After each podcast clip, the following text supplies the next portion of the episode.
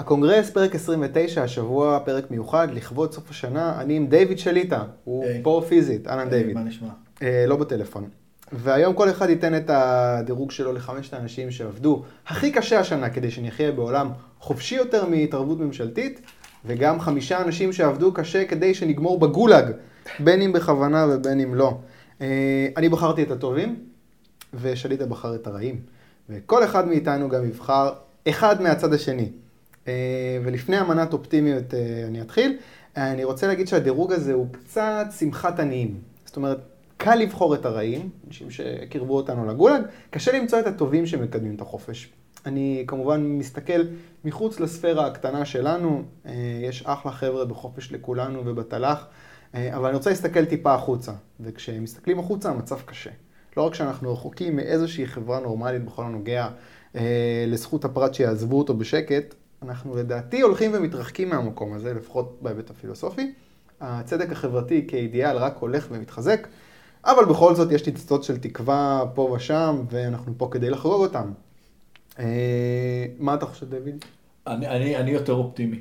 כן? כן, כן. אני זוכר שאתה אופטימי. כן, אני... אני... תסביר לי את האופטימיות הזאת. תראה, אני אגיד לך, קודם כל, יש, אני חושב שזה, שזה הולך על שני ספקטרומים. אז כמו, כאילו, אני, אני די אוהב את ההבדלה שאתה באמת עושה. זאת אומרת, כאילו, בין העולם של האקטיביזם, כן. בין העולם של חופש לכולנו ותל"ח ומה שאנחנו מתעסקים איתו, ובין העולם כאילו של, ה, של. הריאל פוליטיק, בדיוק.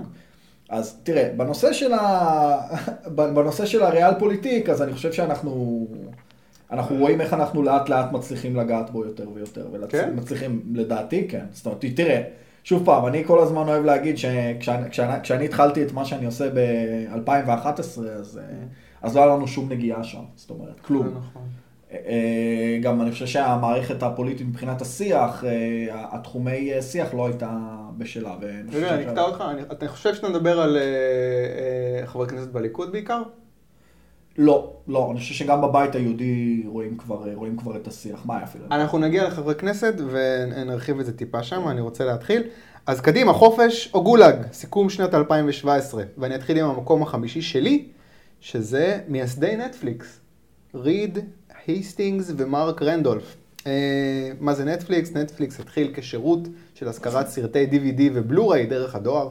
היום כמובן חברה שמובילה את המהפכה של מעבר מצפייה ישירה בטלוויזיה, רשתות broadcast, טלוויזיה ליניארית, ערוץ 2, ערוץ 10, כבלים, לאינטרנט, לסטרימינג. ונכון שהם נכנסו לישראל כבר ב-2016, אבל השנה כבר התחלנו לראות את השינוי שהם מעוררים בכל השוק. יש לנו את פרטנר TV ויש לנו את סלקום TV וגם הוט ויס נכנעות ומציעות שירותי סטרימינג.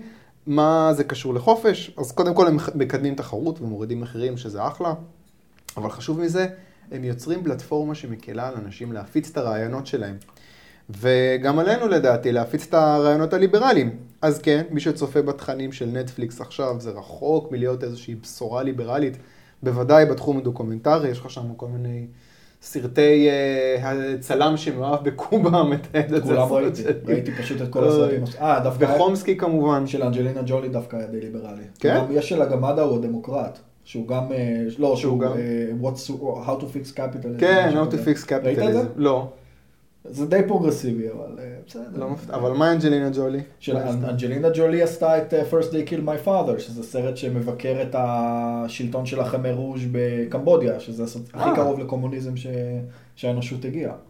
כן, הם, ממש, הם היו היחידים שהיה להם תוכנית מעשית להגיע לקומוניזם והם היו בדרך לשם. כאילו, הם נעצרו, אבל הם כאילו הם היחידים שבאמת, סרט טוב? לדעתי כן. איך קוראים לזה, זוכר? First They Killed My Father. בנטפליקס? כן. סבבה, אז אה, אוקיי, אני, אני אחזור לה, להסבר. אה, למה אני חושב שזה חדשות טובות מבחינת הפצת רעיונות ליברליים?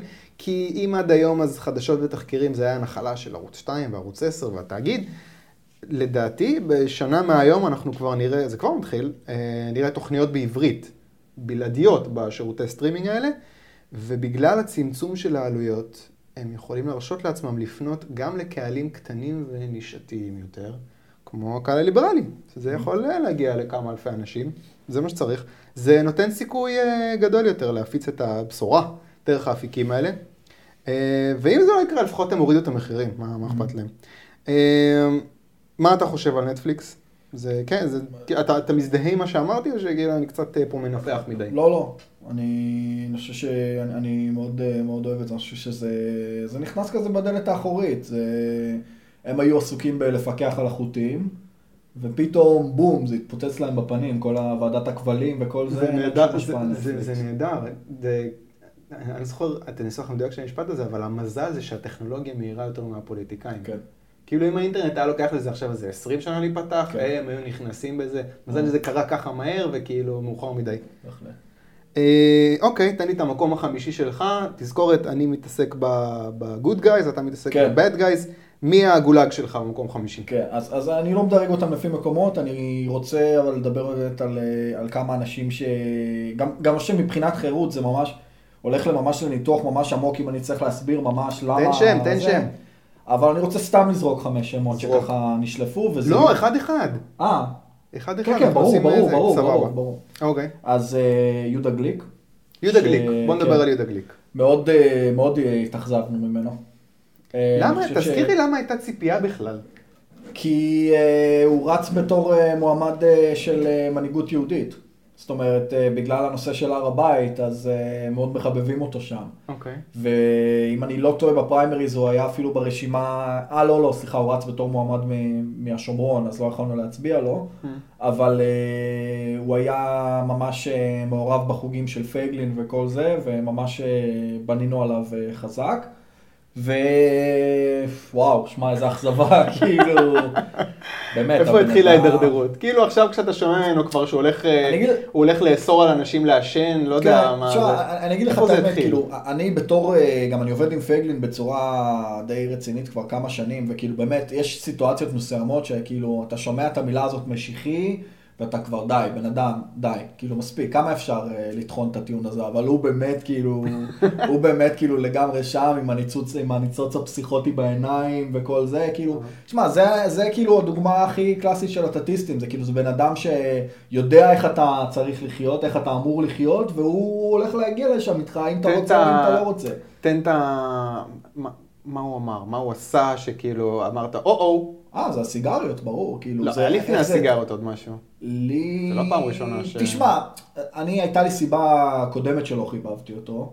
זה היה שכשניהלנו את העמוד של סגירת רשות השידור, אז ניסיתי להשיג ממנו עמדה בקשר לנושא של אה, סגירת אה, רשות השידור, והוא היה מאוד בקטע כזה של לא, אני רץ רק על טיקט של הר הבית ואני לא מוכן לפלג או לתפוס עמדות בשום דבר מלבד זה. אוקיי. זה מאוד עצבן אותי, כאילו. אוקיי. כי אני לא... או יש- חשדת. כן, לא, זה כבר נקודה מאוד מסוכנת, בגלל שכאילו פוליטיקאים שלא מוכנים לגב... לקחת עמדה, זה, זה דבר מאוד מסוכן. אוקיי.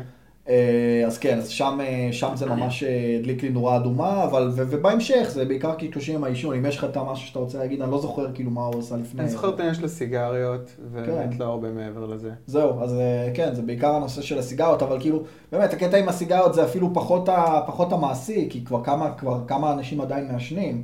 הבעיה העיקרית זה באמת אה, הקטע הפילוסופי, כאילו, אתה רואה, הבן אדם פשוט, כאילו, הוא יודע איך אתה אמור לחיות את החיים שלך. הוא מאמין ו- שהמדינה זה לגמרי הגוף שצריך אה, ל- לתקן כן, את כן, החברה. מאוד מאכזב, מאוד הוא מאכזב. מאוד שם. אוקיי, סבבה.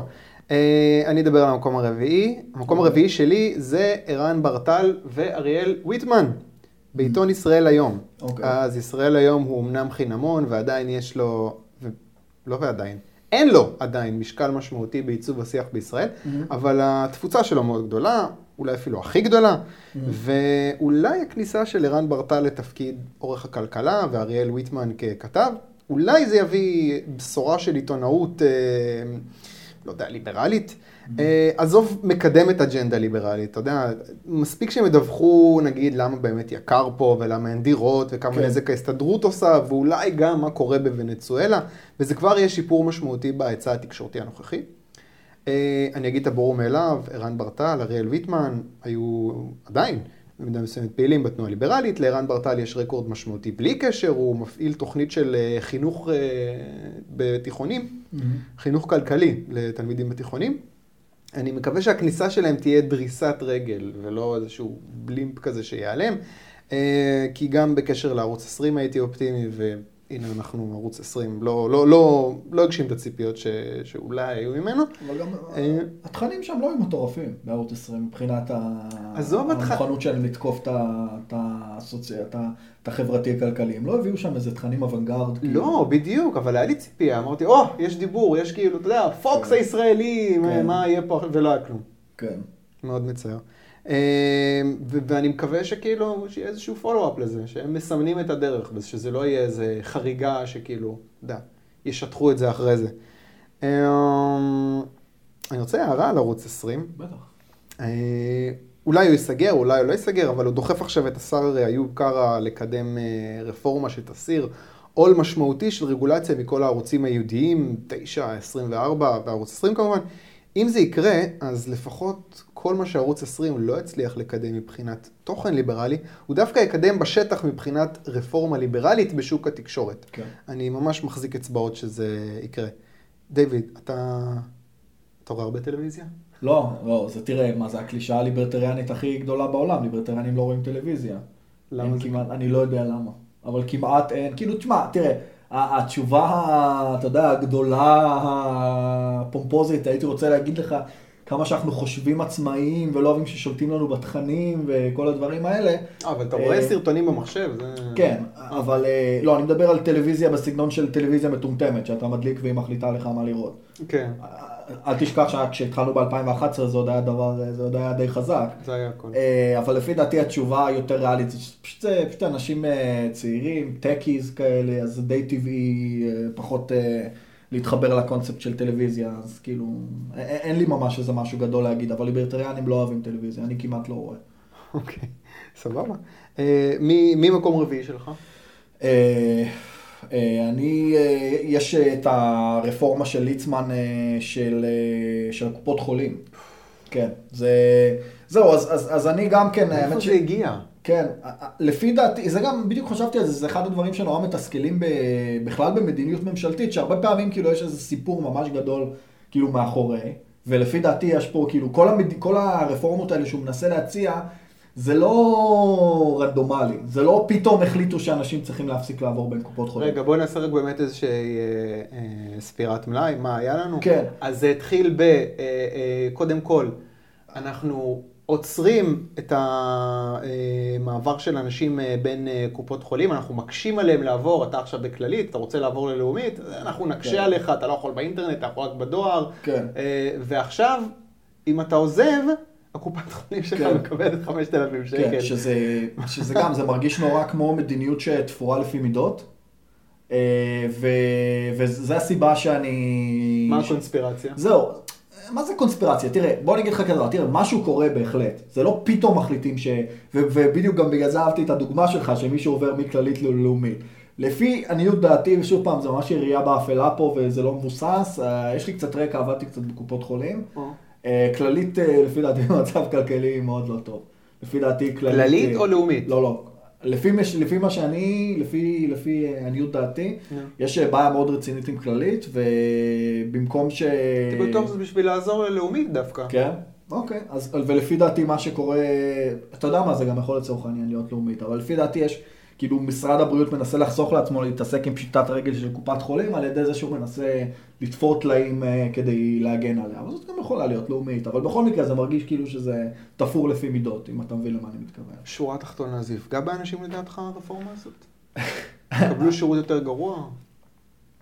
השירות יהיה יותר גרוע, אבל לפי דעתי לא, לא משמעותית. לא אה, משמעותית. לא, לפי דעתי, אה, דווקא, דווקא מה שרציתי לדבר עליו בהקשר של ליצמן, זה הנושא יותר של, ה, של הקצבאות לדעתי, שהוא מאוד בעייתי. הוא אה, יזם שם איזושהי העלאה של, של כל מיני קצבאות, ו, ובקצבאות זה בעיקר בעיה של תמריצים.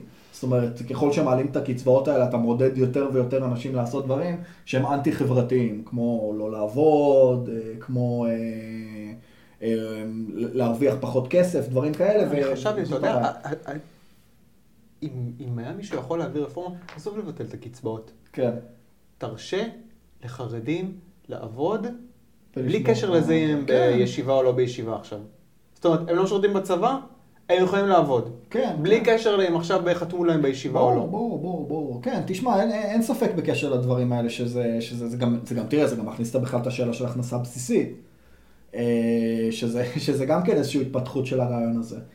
אה, אבל אה, כן, אני, אני בהחלט מסכים איתך. תראה, זה, זה לא סוד, הבעיה עם מדינת הרווחה, יש בעיה, יש בעיה פיסקלית, זאת אומרת שזה המחיר של ה... במיסים שאנחנו משלמים על ההטבות האלה, ויש גם את הבעיה של התמריצים, שזאת בעיה, בעיה גדולה מאוד, ואני אני חושב שה- שהיא בעיה יותר משמעותית. ראית את הכתבות של, אה, נו, אני לא זוכר את השם שלו, אבל היה סדרה של שלוש כתבות בערוץ 2, אוקיי. בחדשות דווקא, מפתיע. כתבות, הכותרת זה ברוקלין של קודש, אוקיי, חרדים בארצות הברית. כן.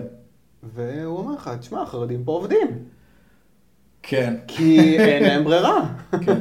ועובדים בדיוק, אתה יודע, בבנייה, ב-B&H בניו יורק, כן. חנות צילום הכי טוב. זה מצחיק, הוא אומר, אנשים שאסור להם להחזיק טלפון, כן. יכולים, מתמצאים במצלמות ובטלפונים הכי מדהימים ש- שיש. כן, כן, זה, זה, זה, זה, שוב פעם, תראה, אני כבר לא כל כך, הדוגמה של הברית כמדינה שאין בה שירותי רווחה בכלל, זו קצת דוגמה בעייתית.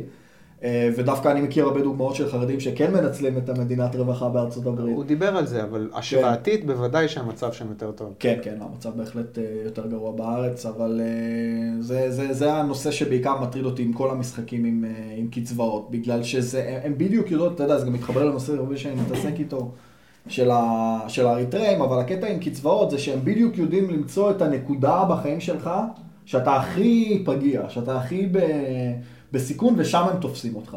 אתה מבין? הם בדיוק יודעים לתפוס אותך, אם אתה עכשיו כאילו נגיד, לא יודע, תבוא לאנשים מקיסריה ותגיד לה- תגיד להם, כן, אם תפסיקו לעבוד אנחנו ניתן לכם 2,500 שקל בחודש. אתה לא תשכנע אף אחד. כן. זה דברים שממש פונים לאנשים הכי הכי חלשים בחברה ומעודדים אותם להתנהגות אנטי-חברתית.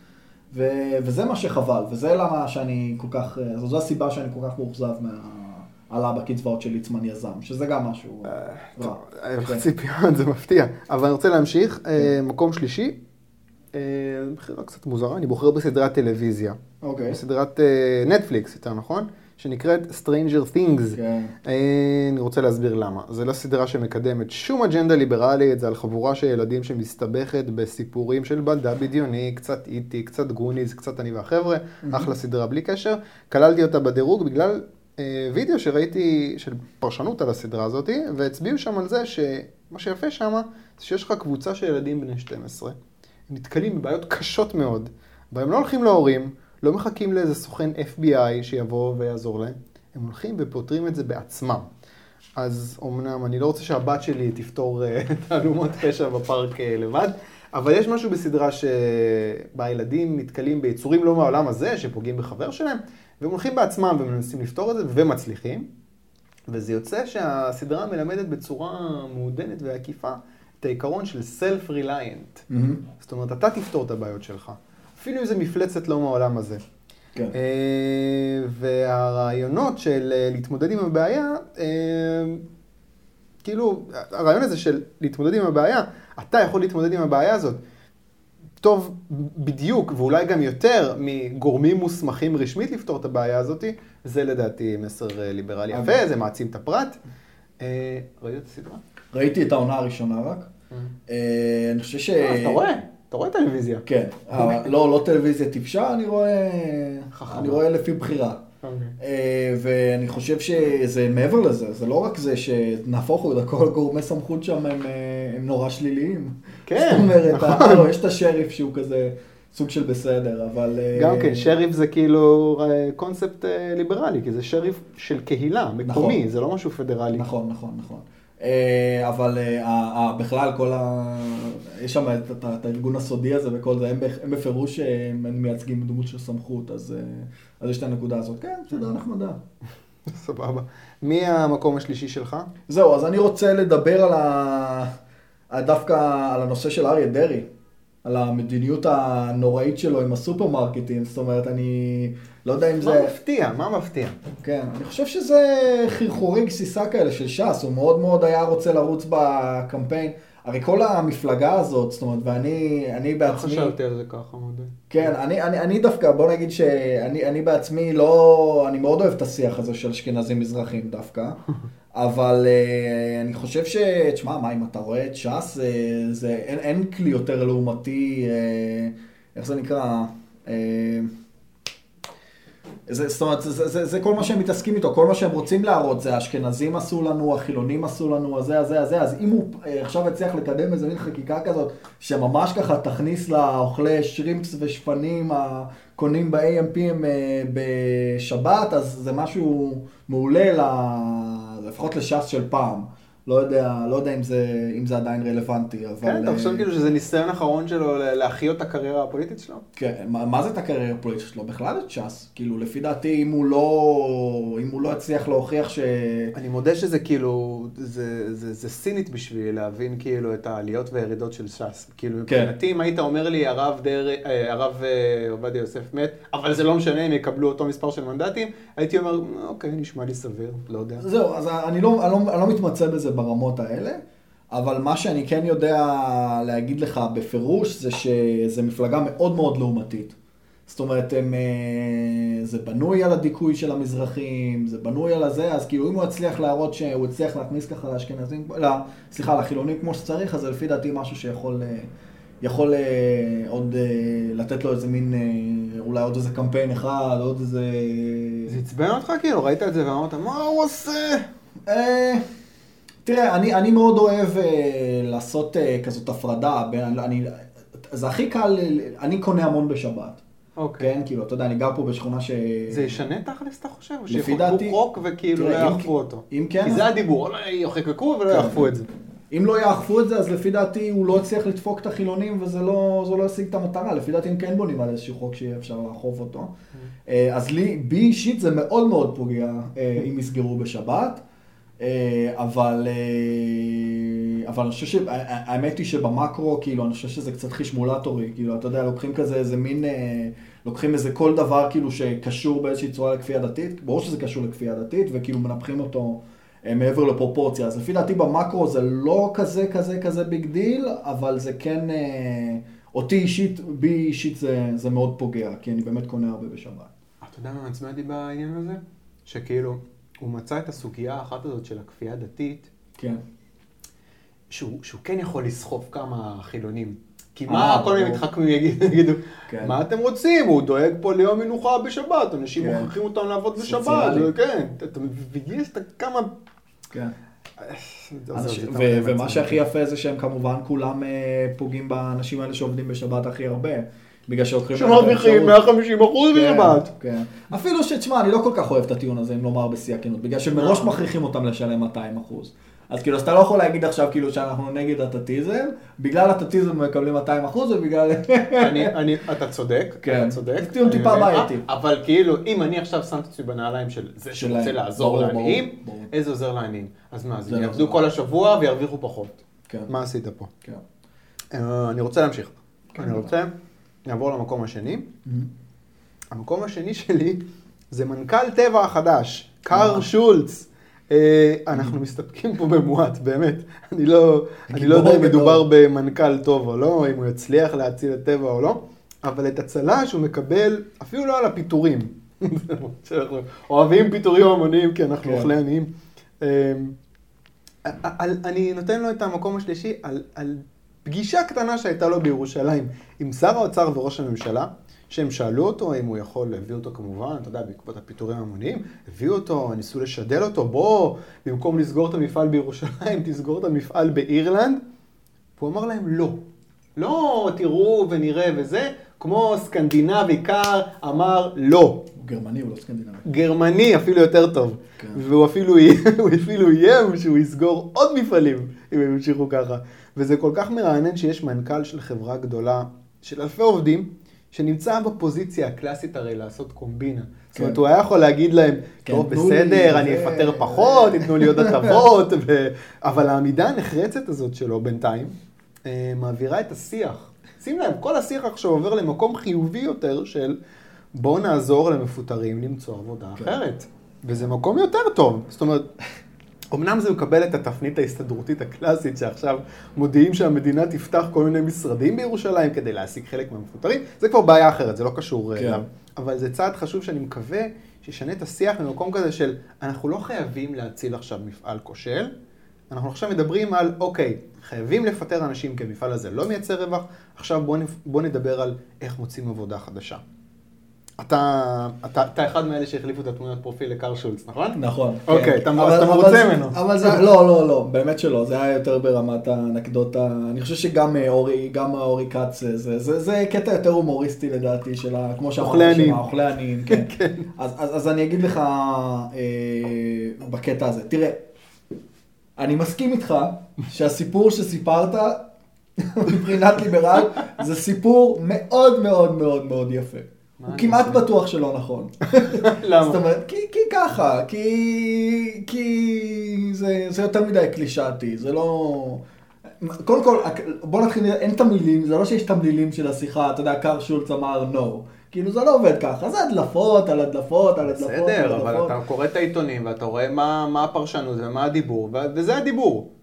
אני, כן, וזה אוקיי. סוחב את השיח לכיוון אחר. לפי ויש דעת- לזה משמעות. אני, אני מצטער, אני עוד פעם יוצא פה הקונספירטור, אבל לפי דעתי זה הכל... אה, זה, אתה זה אומר, אתה אומר, זה- אתה אומר, בסוף הם כן ייקחו הטבות ויפטרו פחות. ו- לא, אני לא יודע אם הם ייקחו פחות, אבל זה...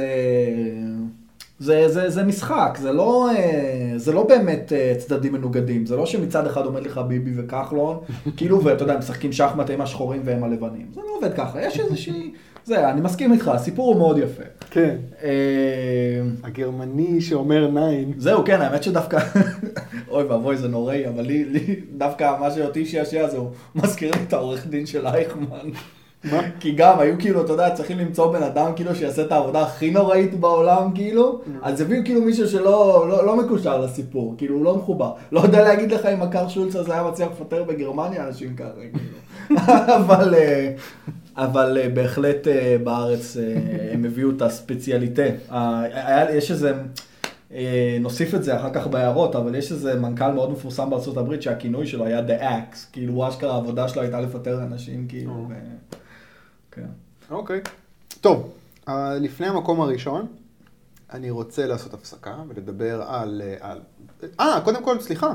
אני נתתי את המקום השני שלי, אתה בוא תיתן את ה... לא מקום שני שלך, אבל השלישי? כן. עזוב, לא סופרים, אני אגיד לא לך את סופרים. האמת, תן, אני תן, אני לא תן, בטוח תן. אם יש לי את- החמישה מוכנים, אבל אני אגיד לך כזה, אבל כאילו, שוב פעם, בקטע, ה- אני יוצא פה הכי ליברטריאן ריאקציונר, כי זה באמת לא דברים אה, מאוד מהותיים, אבל ברמה הפילוסופית מאוד מתסכלים, זה- זה ה- זה שולי מועלם. עם ה... ששוב פעם הציפה את הקטע עם הפורנוגרפיה. אה, מה, זה ש- חדש? מה, זה שהיא הציפה את הקטע עם הפורנוגרפיה? לפי דעתי זה קרה בשנה האחרונה, לפי, לפ... כן. על פי המקורות ש... שדיווחו לי, לפחות, לי לפחות. תזכיר לי את הסיפור, זה כי זה עניין של... אה, זה לא מהכמה חודשים האחרונים אפילו. מה היא עשתה? מה מה היא רוצה? אה, עוד פעם, לעשות את הנושא הזה של החסימת הורים, זאת אומרת אה, שהפורנו חסימה בדיפולט- כדיפולט. כן, אוקיי. החסימה כדיפולט ואז אופט-אאוט. תראה, אני אגיד לך כזה דבר, כאילו זה...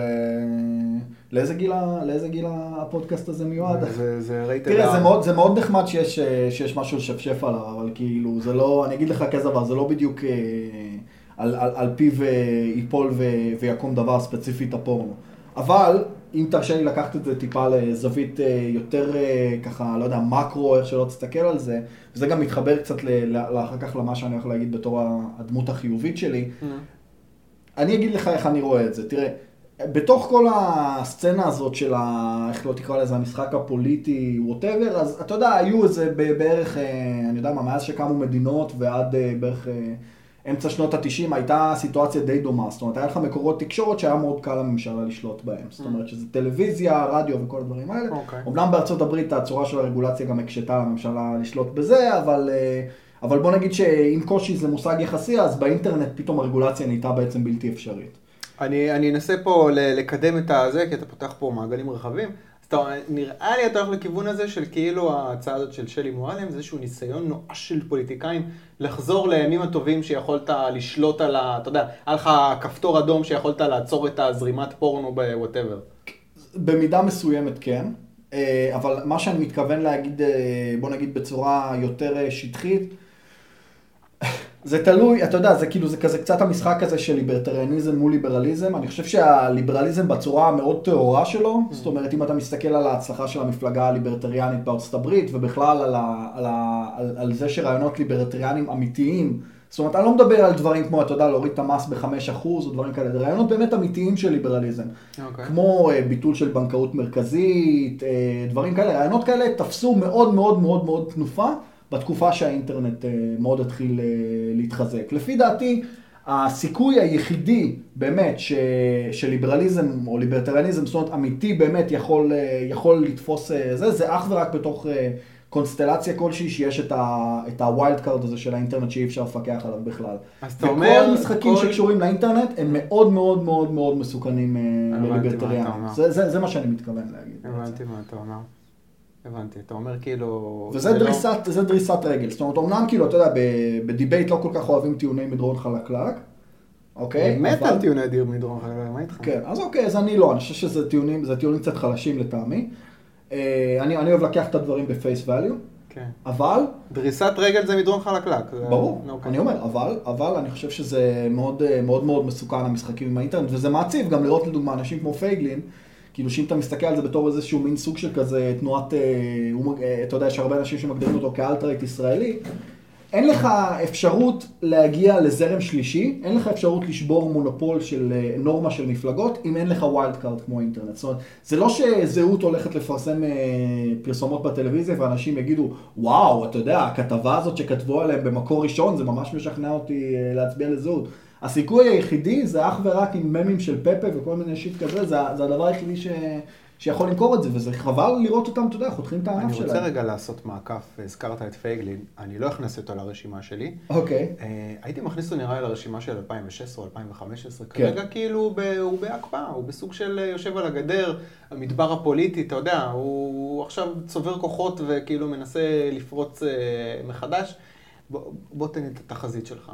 כמה אנשים יצביעו לפייגלין בבחירות? זה לא פייר, זה נושא שאני רגיל לדבר עליו off the record. זה? אני חושב שעדיף לדבר על מה שהייתי רוצה שיקרה. בהחלט הייתי רוצה לראות משהו כמו 15-20 מנדטים אה, של זהות, אם הרשימה תהיה טובה. אני אחשוף לך את האנונימיות ואני, ואני אגיד דבר כזה, אני לא בטוח ממש שהוא יעבור את אה, אחוז החסימה מצד אחד, מצד שני יקבל הרבה יותר קולות ממה שאנשים אה, אה, חושבים, כאילו הרבה קולות ילכו לפח במרכאות, אבל ובגלל זה אני חושב שכאילו המבחן הגדול זה באמת לא מה יהיה בבחירות הקרובות, אלא האם הוא רץ לטווח ארוך, האם הוא, הוא מבין שכאילו צריך לבנות את הדבר הזה לאט, זה מאוד קשה לבנות מפלגה מאפס, בדיוק, בכלל עם כאילו רעיונות אה, אה, קיצוניים כמו שהוא אה, כן. מציג. אה, זה ריצה לטווח ארוך, ולטווח ארוך אני חושב שכאילו, לא, לא יודע אם בבחירות הבא- האלה, אולי בבחירות הבאות, הוא יכול להיכנס. זה מה, ש, זה מה שמדברים עליו. תראה, יש לך בכל... אה, זה, זה, זה כאילו, אתה יודע, הטרגדיה הליברטריאנית, עוד בישראל, יחסית לארצות הברית האחוז, האחוז חסימה הוא יחסית נמוך. זאת אומרת, בארצות הברית כדי לקבל הישג כלשהו בבחירות, כלשהו נדמה לי זה משהו כמו איזה 5 אחוז. וזה לא הישג של ייצוג, זה הישג אה, לפי דעתי שהוא יותר אה, כספי או בדיבייטים או איזה משהו ממש חסר משמעות. אה, וכן, תראה, אני, אני אגיד לך את האמת, אני הפילוסופיה שלי הפרטית, אני לא חושב ש, שהשינוי יגיע דרך המערכת הפרלמנטרית, או בוא נגיד דרך המערכת הפרלמנטרית על ידי בחירות. זה לא שאנחנו, תהיה לנו מפלגה עם 15% מה, מהקולות, אנחנו לא נמלא אוטובוסים זה לפריימריז כן. של הליכוד. Uh, לפי דעתי, ואנחנו רואים את זה ככל שהמדיה החברתית יותר מתחזקת, uh, בשיטות של כל מיני דמוקרטיה ישירה. זאת אומרת, השפעה ישירה על הפוליטיקאים, זה לפי דעתי uh, טכניקה הרבה יותר טובה. בוודאי, בגלל שיש לנו... Uh, תן לי את הדוגמה הקונקרטית. להטריל עכשיו את העמוד כן. של אה, שולי מועלם? כל הזמן, כל הזמן, כל הזמן, כל הזמן, כל הזמן. זה ואירועים פיזיים. ודברים ש... תראה, דברים שדורשים מחויבות גבוהה ממעט אנשים. זאת אומרת, לא הפגנות, אוקיי? לא, לא, לא להביא 5,000 איש, אבל אתה יודע, לעשות... אה, פעולה לעשות- נקודתית. כן, תראה, אני, אני אפילו יכול לתת לך את הדוגמאות. נגיד, כשהדביל הזה, מיקי רוזנטל, קידם את החוק של הכרטיסי אה, קולנוע באינטרנט, הוא כאילו רוצה להיות כזה, אתה יודע, הפוליטיקאי האמיתי וכל זה, והוא כאילו מנהל לעצמו את העמוד פייסבוק, וזה היה נורא מצחיק, יצא, כאילו התחלנו להטריל אותו בפוסט יומה של הזה, ממש לראות אותו כאילו עובר התמוטטות כאילו מול המצלמה, מה שנקרא, כאילו. ו- וזה רק... מה זה אה, התמוטטות? רק- הוא התפוצץ שם לגמרי, כאילו, כי הוא כי בהמשך לקבל עוד ועוד ועוד ועוד תגובות שליליות. עכשיו, גם צריך להבין שאצל הפול- אנשים נהיים פופוליסטים בגלל שהם רוצים שהפופילוס כאילו יחבב אותם. כן. מבין? וככל שבן אדם יותר פופוליסט והוא מקבל יותר בעיטה בפנים, אז, אז, הוא יותר, אה, אז הוא יותר משפיע עליו. עכשיו, בנקודה הזאת, אז אה, אני רוצה באמת אה, לעשות איזה plug קטן, יש את הקבוצת אה, טלגרם שלי שנקראת טוקבקיסטים ליברליים, שאנחנו מפנים לשם traffic ל- לכל מיני פוסטים, ומי שזה מעניין אותו יכול לפנות אליי בצ'אט ואני אשלח לו לינק להצטרפות בטלגרם לקבוצה הזאת, כי באמת מה שמעניין זה שברגע שעולה פוסט, החמש-שש תגובות הראשונות עוזרות מאוד להכתיב את הכיוון שהפוסט הולך אליו. עכשיו, יש גם את הנקודה הזאת של הפוליטיקאים, שאומנם הם בחלקם הקטנים מנהלים את העמודי פייסבוק בעצמם, בדרך כלל זה העוזרים הפרלמנטריים שלהם, אבל יש לך גם עוד נקודה, כי אם אתה חושב על זה, ה- יש לך את העמודי פייסבוק של כל העמותות למיניהם, כל ה satellites של הקרן החדשה, שהם גם משהו שמאוד קרן. כצנלסון. בדיוק, זה בדיוק מה שאני חשבתי עליו. המ- המכללה הכלכלית חברתית. אני כאילו רואה בהם גרסה אינטליגנטית של אה, דבר ראשון. כן, אבל הם, דבר ראשון זה- אבל הם גם תת רמה. לא, זה ממש נפנופי ידיים, קרן ברל כצנלסון הזה זה ממש קשקוש.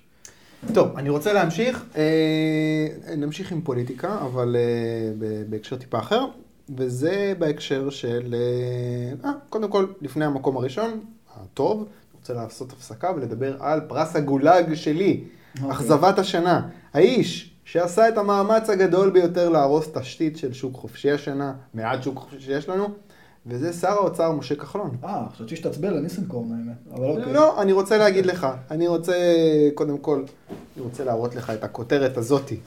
הזאתי. כך. וואו, יש וודקה ב-40 שקל. אה, אוקיי, זאתי, סליחה. לא, לא. כן, כן. כן, כן. הבנתי. אוקיי. אה, אני מצביע על עיתון מעריב של יום רביעי. אה, בחרתי אותו לפני הכותרת הזאתי. אוקיי. אה, זה כותרת על הדיל האחרון שהוא עשה, על הדיל שהוא עשה עם אה, ניסנקורן. אז הכי קל זה לבחור את שלי יחימוביץ' או את אבי ניסנקורן. כן. במידה רבה אני חושב על זה מפספס קצת את הנקודה. כי הם בפוזיציה שבעצם דורשת מהם לתפקד כמו שהם מתפקדים. כן. זאת אומרת, שלי יחימוביץ' היא הסוציאליסטית הייצוגית של העבודה, ואם היא תתחיל בטעות לעשות קולות של קפיטליזם, כמה שזה נשמע לא סביר, היא תעוף, ועמיר פרץ יתפוס את המקום שלה, כמו שאם ניסנקורן ישתף פעולה עם המעסיקים פתאום, הוא גם יעוף. אה, אבל משה כחלון נמצא בפוזיציה מיוחדת. לא, יש יחסית, לדעתי, חופש לעשות את מה שהוא אה, רוצה. אה, המצביעים שלו נותנים לו קרדיט מסוים, אתה יודע, אני תמיד חושב על ראשון לציון, זה המקום שמצביעים לכחלון, כן. אוקיי? תעשה, שיהיה בסדר, קפיטליסטים, סוציאליסטים, משהו באמצע. אבל מה הוא עושה עם הכוח, עם הכוח הזה? הוא עושה מחיר למשתכן, והוא עושה קצבאות לנכים, והוא עושה העלאת שכר מינימום, דברים שלא תורמים לכלכלה או לחופש. וגולת הכותרת אה, האחרונה, הכותרת של מעריב מאתמול, עוד דיל עם ההסתדרות. ובמקום לדאוג למשלם המיסים, לשמור על הקופה, שזה התפקיד של שר האוצר, הוא חותם דיל עם ניסנקורן, מה אומר הדיל הזה? הוא אומר שאת העלאת השכר במגזר הציבורי, שהייתה אמורה להיות ב-2018, פשוט בגלל שהוא נתן את הכסף לעניים, עכשיו יש לו גירעון ב-2018, אז הוא דוחה את ההעלאה הזאתי ל-2020, זאת אומרת, כשהוא כבר לא יהיה שר אוצר, ובינתיים הוא ייתן להם מענקים חד פעמיים של אלף שקל לעובד. והוא אומר לניסנקורן בעצם, יש לך 370 אלף עובדים, קח 370 מיליון שקל. ואת העלאת שכר אתה תקבל ב-2020, היא גם תהיה העלאה של עוד חצי אחוז ממה שהיה מתוכנן. Uh, בתמורה, מה התמורה שניסנקורן נותן לו? הוא מבטיח שהוא לא יעשה יותר מדי שביתות, לפחות סביב הנושא הזה. אז במקום לשאול מה אני מקצץ בתקציב כדי שיהיה כסף לכל המתנות שחילקתי, יש לי פתרון, אה, אני, שר האוצר משה כחלון, יש לי פתרון יותר טוב, אני פשוט אדחה את זה ל-2020, ושר האוצר של אז ישבור את הראש. אה, במקרה או שלא במקרה, כולנו, אה, מפלגת כולנו, היא הקימה סיעה בהסתדרות, ואם הייתה איזושהי שקיפות בהסתדרות, היינו יודעים איזה ג'ובים בדיוק אה, קיבלו פעילי כולנו בהסתדרות, כתגמול על שיתוף הפעולה עם ניסנקורן. אז לכחלון הייתה בשנה החולפת הזדמנות לעשות עבודה קשה, אולי אפילו מסוכנת לקריירה הפוליטית שלו. הוא בחר בפתרון הזול והפופוליסטי והשטחי, לא טיפול בבירוקרטיה של מינהל מקרקעי ישראל וכמה שנים שלוקח להקים בניין, לא מלחמה בהסתדרות שחונקת את המשק, לא, הוא נותן לנו הגרלות של אה, דירות. וזה מאכזב אותי כי יש לו מנדט והוא לא מנצל אותו. מה אתה חושב? מה, הגזמתי? אני, אני אתחיל מהסוף להתחלה. קודם כל כן. אני אתחיל מהסוף להתחלה. אתה אוהב את כחלון. לא, ממש לא. ממש ממש לא. Uh, אני אתחיל מהסוף להתחלה. אני חושב שדווקא בנושא של הנדל"ן uh, לא הרחבת מספיק והוא הפיל שם את הכדור uh, בענק. מה שמעניין בנושא של הנדל"ן, שזה קצת ממשיך את המנופף ידיים הקודם שהיה, את יאיר, אז uh, זה שבאמת כאילו המערכת הפוליטית ש, שאנחנו חיים בה כיום, דווקא המערכת... Uh, בוא נגיד יחסית חופשית, אם אתה משווה למערכות פוליטיות, נגיד של שנות ה-60, ה-50, בתקופה שאחרי מלחמת העולם השנייה, זה שאתה יודע, הכי קל הרי זה כאילו, נגיד, נורא לכעוס על אנשים כמו שלי יחימוביץ', שדרך אגב, גם פה אני לא כל כך מסכים איתך, אני לא אוהב את ה... לשים אותה באותו... באותו קבוצה עם אף אחד, לא עם עמיר פרץ ולא עם ניסרקון, לפי דעתי הרבה הרבה יותר קיצונית מזה. זה נכון, היא אידיאולוגית אמיתית. כן, עכשיו, אתה יודע, כאילו, ברור שהכי קל זה, אתה יודע, להתקיף את הסוציאליזם וכל הדברים האלה. אבל, כשאתה מסתכל על המערכות הפוליטיות האמיתיות, כאילו, שקיימות במערב, נגיד, מאז שנת 85, מאז שתאצ'ר אה, באמת הראתה לכל המדינות איך אה, מערכת כלכלית צריכה לעבוד, אז אה, אתה יודע, הכי קל זה להתקיף נורא את הקיצוניים, כמו שלי, כמו סתיו שפיר, כמו מיקי רוזנטל, יוסי יונה, דב חנין, האנשים האלה, כאילו, זה תמיד משיג, זה נורא ריאקציונרי. אבל הלכה למעשה, לפעמים דברים כאלה שהם לא סוציאליסטים, כאילו נגיד אה, כמו, כמו הדיר, התוכנית למשתכן, כמו ה-0% מע"מ, כמו התוכנית אה, של הדיור בר השגה ש, שקלינטון ובוש יזמו, שבסופו של דבר אה, הביאה למשבר סאב פריים. המערכת הפוליטית של אחרי 85 היא הרבה הרבה הרבה יותר רגישה לדברים מהסוג הזה. הדברים ששלי וכל אלה מנסים לקדם זה דברים שלא קורים באמת. אז אני חושב ש, שכאילו הכי קל, הכי קל כאילו זה להתקיף, אה, זאת אומרת, אני חושב שהקטסטרופה שהוא עשה זה לא דווקא בהסתדרות, אלא בנושא של, ה, של הדיור. המשחקים, הטוויקים הקטנים האלה שהם מנסים לעשות עם ה... עם ה... לשחק עם, ה, עם הדרישה והיצע. זה לפי דעתי הדבר הקטסטרופלי.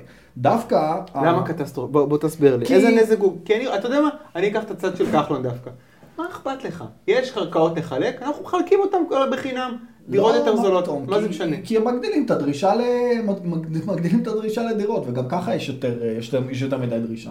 תראה, הרעיון שאנשים צריכים אה, לגור בבעלות, זה, אתה יודע, זה לא אלוהים מוריד את זה, זה לא כתוב בעשרת הדיברות. הרעיון, אתה יודע, יש לך נגיד... אה, מה זה הבעלות? יקנו את הדירות וישכירו אותן, מה זה משנה? זה לא משנה, הרעיון שבכלל, הרעיון שבכלל אה, הבעלות על דירות צריכה להיות כאילו מפוזרת בצורה... שווה בין האנשים, זה, זה רעיון שאין לו, לו אח ורע בעולם, זאת אומרת, אתה יודע... מה האלטרנטיבה? אלא מה? חברות ניהול של נדל"ן, זה לא, לא מילה גסה, אנשים שיודעים לנהל דירות, שמנהלים דירות. וזה לא, לא אפשרי בישראל? תראה, בצורות אה, הנוכחיות אי אפשר, כי אי אפשר להרוויח מספיק כסף כדי לעשות מזה, לעשות מזה ביזנס בכלל. השכירות לא, נמוכה לא מדי. בן אדם יכול לקנות בניין. בן אדם ו... כן, אבל השכירות היא נמוכה מדי, והמחירי קנייה הם גבוהים מדי. בגלל הנושא של הריביות הנמוכות ובגלל הנושא של המשכנתא, בגלל הנושא בעיקר של הריביות הנמוכות, נוצר לך מצב שיש הפרדה כאילו בין המחירים של השכר דירה. אנשים לא באמת קונים דירה כדי להשכיר אותה, אנשים קונים דירה כדי למכור אותה אחר כך. ואז נוצר לך מצב שהדירות נהיות כל כך יקרות יחסית לשכר דירה, שאתה לא יכול לעשות ביזנס של לקנות דירה ולהשכיר אותה.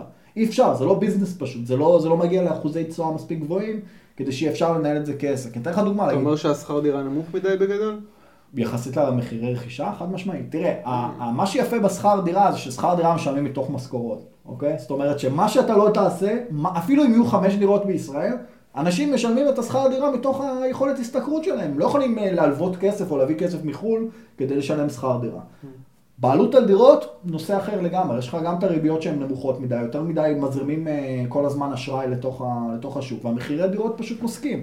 אני אומר לך את זה בתור... רגע, רגע, אנחנו פותחים פה יותר מדי, בוא תן לי את השורה התחתונה. מה, איזה נזק הוא גורם לשוק הדיור? הוא גורם לאנשים, המחירים של הדירות ימשיכו לעלות. בקצב יותר גדול ממה שהיה? כן. מה, תראה, מה זה יותר, יותר גדול ממה שהיה יכול להיות אם הוא לא היה משחק את המשחקים האלה?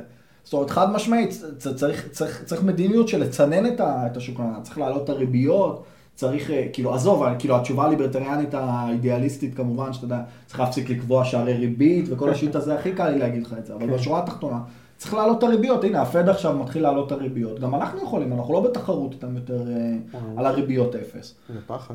אה, כן, עכשיו, דווקא הנושא שאני פחות מסכים איתך, ודווקא לפי דעתי איפה שכחלון מצטיין, זה העסקה הזאת שציינת עם ניסנקורן. לפי דעתי העסקה הזאת בסך הכל, קודם כל הוא מחלק את האלף שקל, אה, לפי איך שאתה תיארת את זה בין כולם, זה כבר אה, התקדמות גדולה. כי אחת הבעיות עם ההסתדרות זה שהם באמת אה, נורא נוטים לתגמל את האנשים הגבוהים שמתעסקים בעסקנות של, ה, של ההצבעות וכל הדברים האלה. אם עכשיו באת וחילקת את האלף בין כולם, זה כבר הישג גדול. הוא בזבז 370 מיליון שקל מהכסף שלי, מה אכפת לי עכשיו איך הוא בזבז את זה? לא, לא, תראה, זה גם שעה של תמריצים, זה מאוד משמעותי לתת, לתת את הכסף מחולק שווה, ואתה רואה את זה בנושא כל פעם של משרד החינוך. אבל זה מעצבן אותי שהוא עכשיו זורק את הכדור הזה לשר אוצר הבא. יש מעצבן ויש, ויש אשכרה לדבר על, על מה קורה בשטח. עכשיו, מה שקורה בשטח, נגיד שאתה רואה את השביתות במשרד החינוך, הרי מה, על מה הריבים בסופו של דבר? על זה שההסתדרות כל הזמן רוצה שהוותיקים והאלה שגם ככה מקבלים הרבה, יקבלו עוד יותר,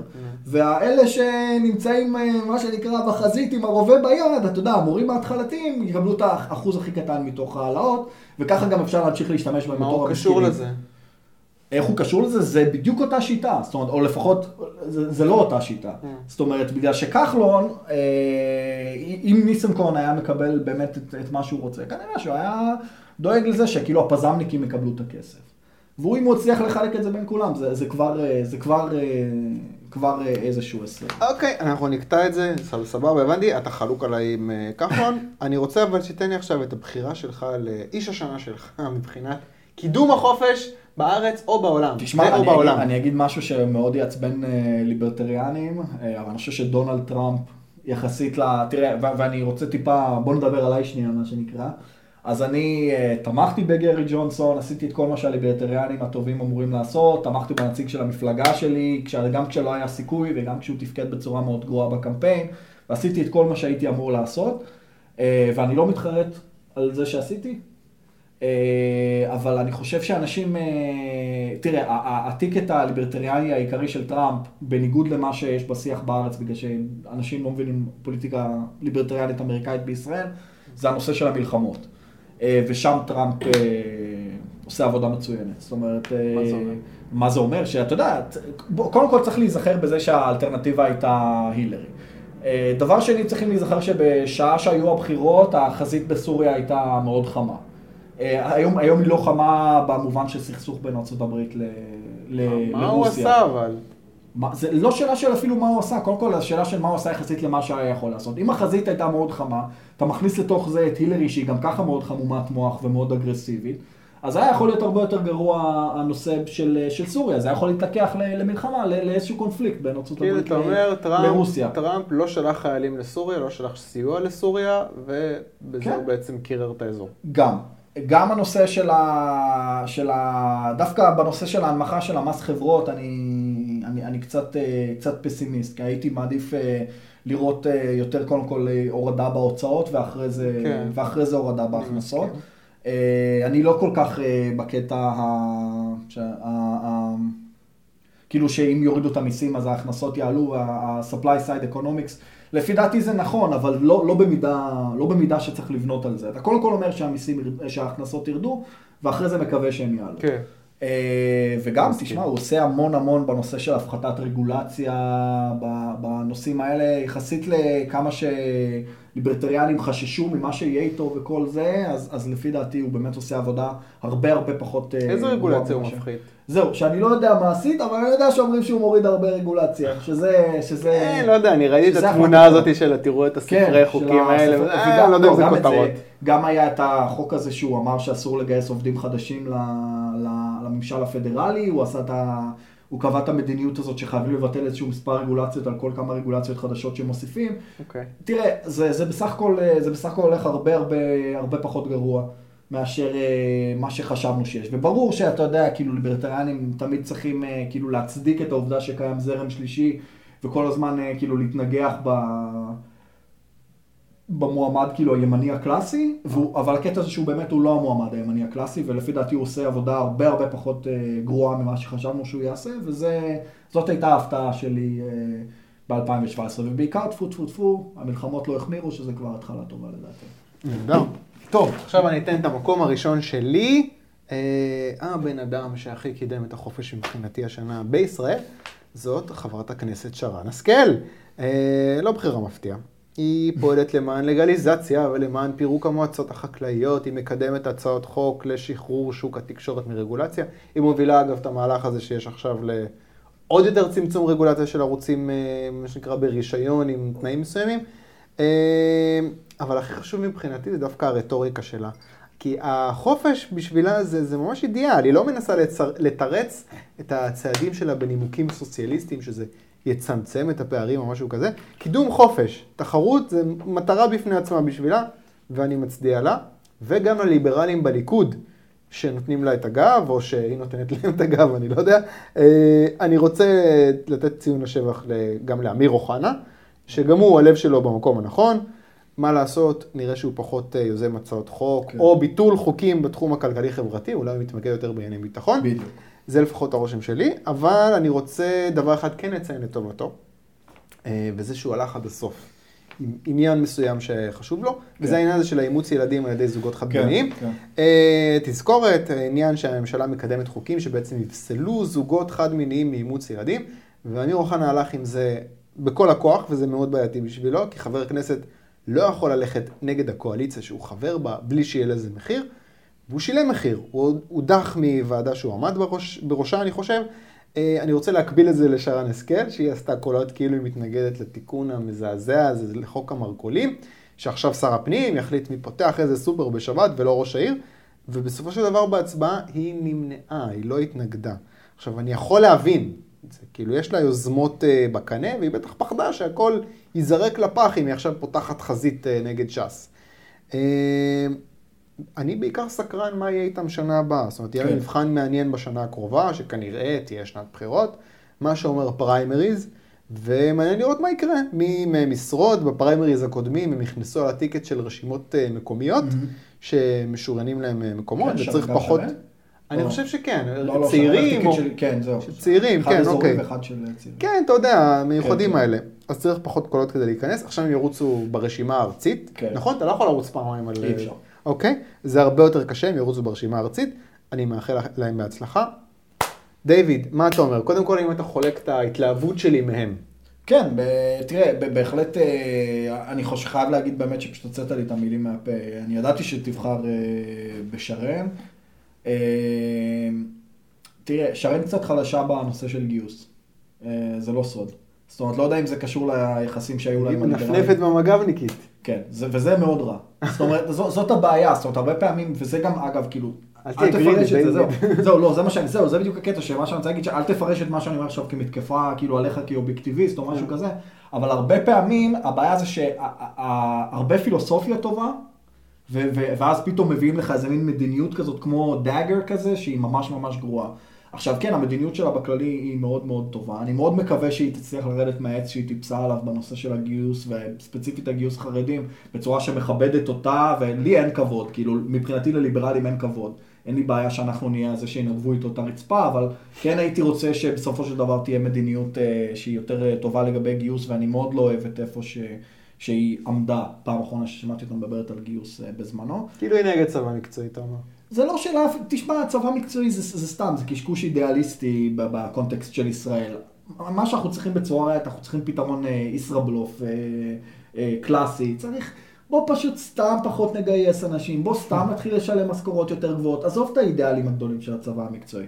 אוקיי. עכשיו, שם אמיר אוחנה הוא מאוד מאוד מאוד מאוד חזק, ובגלל זה, זה אני, אני מאוד אוהב אותו. Okay. אוקיי. אה, מעבר לזה שהוא גם בן אדם שמאוד אה, חביב עליי אה, באופן אישי, אבל זאת אומרת, מבחינת היחסים האישיים בינינו, הוא מאוד, בן אדם מאוד חביב בעיניי. נראה שכיף לשבת איתו לבירה. מאוד, אבל הנושא של הגיוס הוא מאוד מאוד חזק בגיוס, שזה דבר שהוא יוצא דופן בנוף הפוליטי בישראל. זה, זה בעצם מה שיש לי להגיד. תן לי הימורים. בפריימריז הקרובים. קודם כל, מי מהם מגיע למקום יותר גבוה, ומי מהם ישרוד את הבחירות הבאות. עזוב עכשיו אם מדברים על מקומות. אני, בקטע של המשחק הפוליטי, אני מאוד פסימי. אין לי שום דבר, אה, אין לי שום דבר טוב להגיד על מה שאני חושב שיהיה. אה, אבל אה, בואו נקווה שיהיו מועמדים אחרים, או, או, ש, או ש, כמובן שאידיאלית זה הם, אבל שאם יהיו מועמדים אחרים, זה יהיה מועמדים אחרים שנוח להשפיע עליהם וקל להשפיע עליהם. אתה עדיין חבר ליכוד? סליחה? אתה עדיין חבר ליכוד? כן. אתה תצביע עליהם? אני מחליט למי להצביע רק אחרי שמפרסמים את הרשימות. אוקיי, סבבה. כן, אה, אז אנחנו נראה איך ייראו הרשימות, ואם באמת הרשימה תיראה כמו הרשימה שלי לפריימריז, אז יכול להיות, ש... יכול להיות שאני אצביע עליהם. יכול להיות גם שלא, תלוי, תלוי איזה, בשביל זה, בשביל זה ישר את הפריימריז, בשביל להחליט באמת אה, למי אתה רוצה להצביע. יש לך אגב, אה, אני ממש לא מעורה ב... ב... ב... ב... אתה יודע, דברים פוליטיים בכל מיני התרחשויות.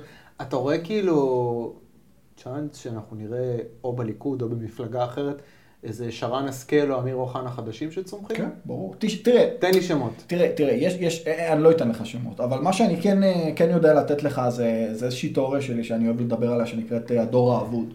אני חושב שמה שאנשים אה, לא מבינים, זה קצת מתחבר גם למה שאתה מתעסק מבחינת פילוסופיה פוליטית, זה שלא הייתה שום אפשרות לאנשים לקבל שום תפיסות של אה, פילוסופיה ליברלית, ב, אם הם נולדו בין שנת בערך 45 עד משהו כמו שנת 79. ה- ה- פשוט לא היה, לא היה כזה דבר, היית הולך לאקדמיה, האקדמיה נשלטה על ידי המל"ג, היית הולך לבית ספר, הבית ספר נשלט על ידי משרד החינוך. היית הולך אתה באמת חושב שכאילו לקבוצות פייסבוק. יש כזאת תהודה אצל אה, לא, צעירים? לא, אבל אני חושב שהדרך? היחידה להוציא כאילו את הראש כזה מחוץ לדור האבוד, זה או אם גדלת בחו"ל, כמו במקרה של ביבי, שיש לו, שעזוב את הפרקטיקה שלו, טובה או רעה, יש, הוא מדבר בפילוסופיה של חירות, נכון. אה, או אם אתה יותר צעיר, זאת אומרת, או במקרה של אה, שרן, שזה גם וגם, זאת אומרת שהיא גם התחנכה חלק מהזמן אה, בחו"ל, וגם, אה, וגם היא יותר צעירה. אני חושב שאנשים שנולדו... טיפוס, אה? זה זה לא, זה זה משהו ממש מוזר. ככה. ממש, תשמע, בן אדם שנולד בין אה, שנת בערך סביבות אה, אה, סוף שנות ה-40 עד סוף שנות ה-70, אין, לא היה לך, אפש- לא היית יכול להוציא את הראש לנשום אפילו. אפילו הספריות נשלטו על ידי אתה יודע, אני. אני, אני עדיין לא, כשאני שומע אותה מדברת, אני עדיין לא מאמין שיש כאילו חברת כנסת שמדברת. כי היא. מאוד זה- צעירה. היא מאוד צעירה. אתה לא תראה את ה- את הדני דנונים והאלה שהם טיפה יותר מבוגרים, הם פשוט, וזה בלי קשר, הם פשוט גדלו זה בתוך סינית. ה... זה זה סינית. מבחינתם, לגמרי, לגמרי. הם יודעים להגיד, כאילו, אתה יודע שצריך, אה, שיהיה שוק חופשי. אבל אה, אין, אה, אין מעבר לזה, הם לא מבינים בכלל את הפילוסופיה. וביבי מאוד יוצא דופן במובן הזה, כי הוא באמת התחנך בחו"ל. ואתה אה, חושב שיהיו עוד כאלה? כן. לפי דעתי, אה, אתה יודע מה, בוא אני אגיד לך אפילו יותר מזה, אני לא בטוח שזה יהיה אפילו יותר לטובה, אבל השיח התרחב, זאת אומרת, מאז 2011, זה לא סוד. מדברים על דברים שלא דיברו עליהם אה, עד, או בוא נגיד אה, בין שנת, לא יודע, 50 עד 2011, או 67 עד 2011 בטוח. כן. שהשיח היה מאוד ביטחוניסטי. לא, אתה יודע, אני אה, חשבתי על זה כאילו, באמת העניין הזה של פיטורים, פיטורים בטבע, כן. כאילו יש תקופה יחסית של איזשהו שקט ביטחוני, וזה כן. כאילו תפס כותרות ראשיות כאלה. אתה אתה יודע, מצד אחד אני שמח שמדברים על זה ולא על מלחמות, מצד שני כאילו, אתה יודע, זה שזה קצת חרב פיפיות כשמדברים על חד נושאים כלכליים חד חברתיים. משמעית, ואני כל הזמן אומר את זה. אני כל הזמן אומר את זה. תראה, אם אתה מסתכל, הרי אחרי 85, הלכה למעשה, בייחוד בישראל, אתה יודע, עם תוכנית הייצוב וכל הדברים האלה, נקבע איזשהו סטנדרט. תאצ'ר קבעה סטנדרט של איך מנהלים כלכלה של מדינה, ואין לך הרבה חריגה ימינה או שמאלה. זה לא פתאום שאתה יודע, מלבד ממש דברים נקודתיים כמו העלמות, גם ב, העל- העלמות גז בנורבגיה או המדיניות של ממשלת צרפת, אם אתה מסתכל בסופו של דבר על המדיניות, המדינות המערביות, מה שמכונה המדיניות הניאו-ליברלית היא שולטת אה, ביד רמה, זה לא משנה אם ברק או ביבי או אולמרט או רבין, הם בסופו של דבר מקדמים מדיניות אה, די דומה. נו. עכשיו, אנחנו בסך הכל היינו בטרנד טוב, אתה יודע, היה את רבין, היה את אה, אולמרט וברק שלא עשו שום דבר מבחינה כלכלית שהוא ממש אה, קטסטרופלי, פרס היה טוב, שמיר... אה, אין ממש משהו בסדר להגיד עליו, אבל בקיצור, כאילו היינו בסך, בסופו של דבר בטרנד ממש טוב, ואז פתאום, פתאום השיח נפתח, אתה יודע, לאיזשהו... הייתה איזושהי הרגשה, בוא נגיד לך כזה ב-2011, שהדברים כאילו בסופו של דבר הולכים באיזשהו כיוון אה, חיובי, פשוט כמו על מסילה. לא כי זה מה שאנשים רוצים, אלא פשוט כי זה מה שהפוליטיקאים רוצים. אה, אני, אני, אני אתן לך את הדוגמה הכי, הכי טובה שאני אוהב להגיד. אני חושב שאם הגילוי של הגז היה בתקופה של רבין, לדוגמה, לא היה שיח בכלל, לא היו מדברים על זה, התשתית הרעיונית לא הייתה קיימת, ולא היה את הצורך הזה של כאילו האופוזיציה, ה...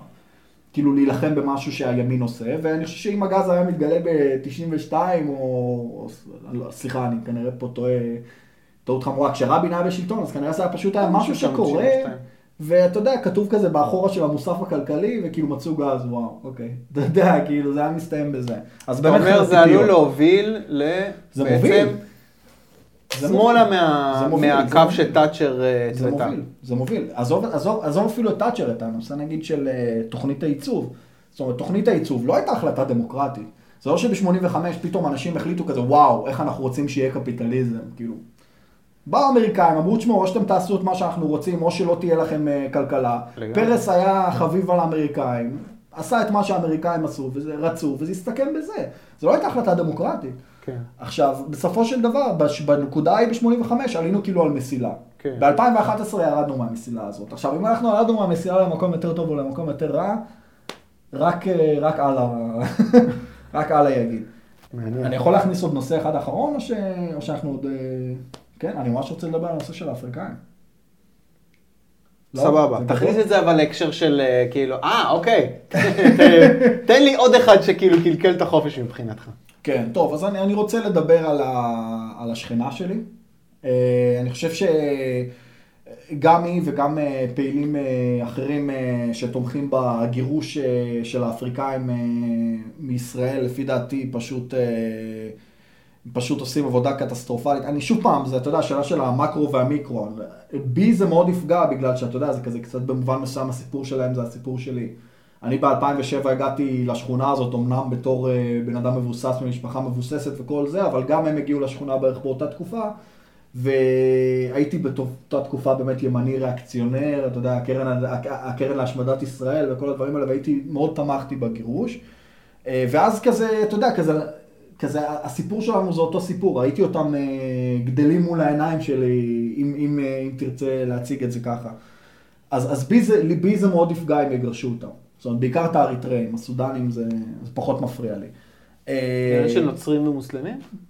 אני לא, לא נמצא שם. אז כנראה שזה, כנראה שזה קשור, אבל אוקיי. אני, לא, אני לא נמצא שם. אני יודע ש, שזה אנשי, הספציפית האריתראים זה אנשי משפחה, אנשים שעובדים, אנשים מאוד מאוד מאוד חרוצים, אה, אנשים דתיים מאוד, זאת אומרת, הולכים לכנסייה אה, וכן הלאה, וזה, אתה יודע, זה סוג של כזה הפנטזיה של כל הסוציולוגיה השמרנית אה, אי פעם. אמרו, כאילו, הם בדיוק עושים את מה שהסוציולוגים השמרנים אה, אמרו. אמרו, אם יגיעו אנשים אה, למדינה שלכם, מהגרים, ואתם לא כל הזמן תעודדו אותם לפרק את המשפחות ולפרק את הדת ולפרק את הקהילות, ותנו להם ותעודדו אותם לא לעבוד וכן הלאה, אז הם ישגשגו. ואנחנו רואים את זה מול העיניים שלנו, זאת אומרת, זו אוכלוסייה מאוד מאוד מוצלחת. אה, הם מרוויחים הרבה יותר מהשכר המינימום. אני אגיד לך משהו שכאילו, הטיעון שאני כל הזמן שומע, ובוא תן לי איזה שהם נתונים קשים להפריך את זה. כן. אה, האם יש יותר פשע בדרום תל אביב, או לא? תראה, יש עלייה בפשע, יש ירידה בפשע, מה? תראה, קודם כל חשוב להבין שגם סחר בסמים זה פשע. עם כל. הצער שבדבר. אה, כן, אז עם הפשע הזה, כן. מה, אני לך אריתראים, מוכרים חשיש. כאילו, מה, כאילו, צורם את זה איך שאתה רוצה. אה, אני מדבר אבל- איתך על אונס, אה, לך, רצח, תראה, שוד. אני אתן לך, יש לי שתי דוגמאות. עובדתיות שאני, שאני אוהב לתת.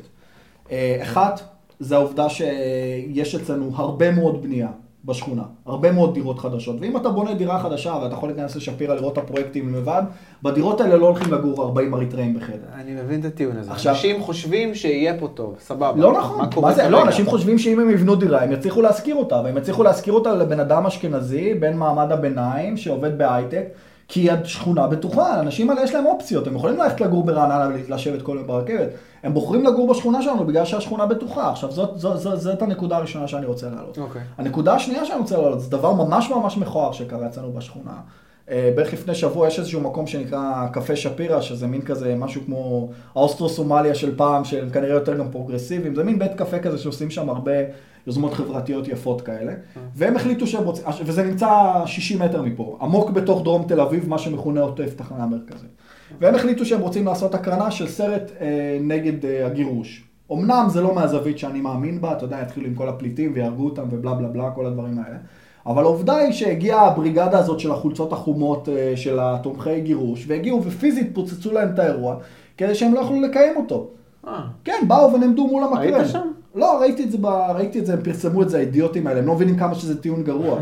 עכשיו תשמע, אם השכונה הזאת היא כל כך מסוכנת, אז למה אנשים שגרים בשכונה, שיש להם עסק בשכונה, מתנגדים לגירוש? זאת אומרת, נגיד אם לי יש היום בית קפה, את הקפה שפירא הזה, אם הוא שייך לי, אז אני לא אמור לראות כאילו שהאריתראים כל הזמן אונסים לי את המלצריות, זה אונסים לי את המצב הלקוחות, אגב, אף אחד כל, לא אם אני. עכשיו יבוא פה, כל בעלי העסקים יגידו, כן, זה אחלה, זה נהדר. אני אגיד לך כזה דבר, כל מי שמעסיק אריתראים חושב שלהעסיק אריתראים זה טוב. זה, זה עד כדי כך פשוט. וכל מי שמשכיר דירה לאריתראים גם חושב שלהשכיר דירה לאריתראים זה טוב. עכשיו, אז אז זה בדיוק הנקודה, המדיניות שאנחנו הולכים איתה בנושא של הגירוש, זה מדיניות שבמקום שיחליטו יזמים ואנשים שההחלטה נוגעת אליהם באופן אישי, מחליטים כל מיני, אתה יודע, כאלה אינטרסנטים, כל מיני כאלה אנשים כמו יונתן יעקובוביץ' שיש לו איזה NGO כזה, אתה יודע, אנשים כאלה שמחליטים בשביל אינטרסים כלכליים. עזוב, האריתראים לא צריכים להיות פה? סבבה, אז שיהיה כמו הסודנים. אם אף אחד לא יעסיק אותם, הם הרי לא מקבלים פה רווחה, אף אחד לא ירצה להשכיר להם דירות כי אין להם כסף וכי הם עבריינים וכי הם, לא יודע, אונסים את הבעלי דירות וכל הדברים האלה, ויגרש, והם לא ירצו להיות פה. הם נשארים פה בגלל שהם חברים אה, מתפקדים בחברה. ובמקום שהבעלי עסקים מחליטים, אז אנחנו מגיעים למצב שכל מיני, כאילו, אתה יודע, כל דכפין מחליטים. וזאת בעיה.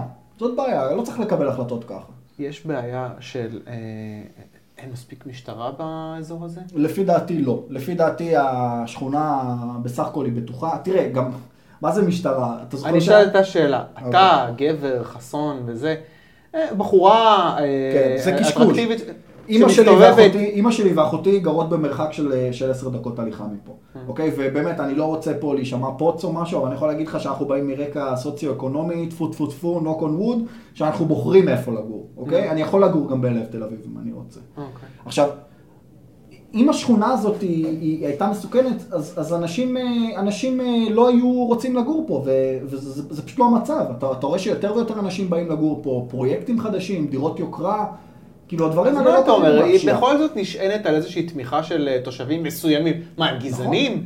לא אכפת לי אם הם גזענים, זה בכלל לא מעניין אותי. אני מעדיף להיות גזען וצודק מאשר טועה ו- ונאור. אוקיי. אוקיי? אין לי בעיה, לא מעניין אותי אם הם גזענים. מה, תראה, אני יכול להגיד לך שזה מונע על ידי שני דברים. יש לך אנשים כמו, כמו שאמרתי, המרכז למדיניות הגירה וכל אלה שהם מכינים את הקריירה הפוליטית שלהם. וגם, יש לך אנשים, תשמע, משועממים, בודדים, שמה אם, אתה יודע, כאילו אם אתה, אתה אפילו סתם תלך לבן אדם ברחוב, תשאל אנשים אם טוב או רע, אז ברור שאנשים שיגידו לך, יגידו לך שרע. כי זה הרבה יותר כיף להתלונן, אתה יודע, ולהגיד שרע ו... אז מה אתה- אומר לי, שהיא לא... אמרת את השם שלה? לא עזוב, תש- שלה. עזוב שמות, מה זה משנה? רגע? אתה מדבר, אתה מדבר על שפי פז, נכון? כולם יודעים על מי אני מדבר. אוקיי, לא. בוא, דיוויד, לא כולם יודעים על אתה מדבר. שומעים את זה מגוון אנשים שלא אוקיי. שלא שומעים חדשות. אוקיי, אז מה, שפי פז, התמיכה שלה, מה, היא- לא נשענת על אף אחד? היא תלוש באוויר? אני חושב שיש הרבה פעילים בשכונה שלנו שנשענים חזק מאוד על, תמיכה של אנשים שנמצאים מחוץ לשכונה. Mm. זאת אומרת, אתה יודע, זה מצחיק בגלל שהרבה מדברים נגיד על הקטע של מה שמכונה על הטפנים.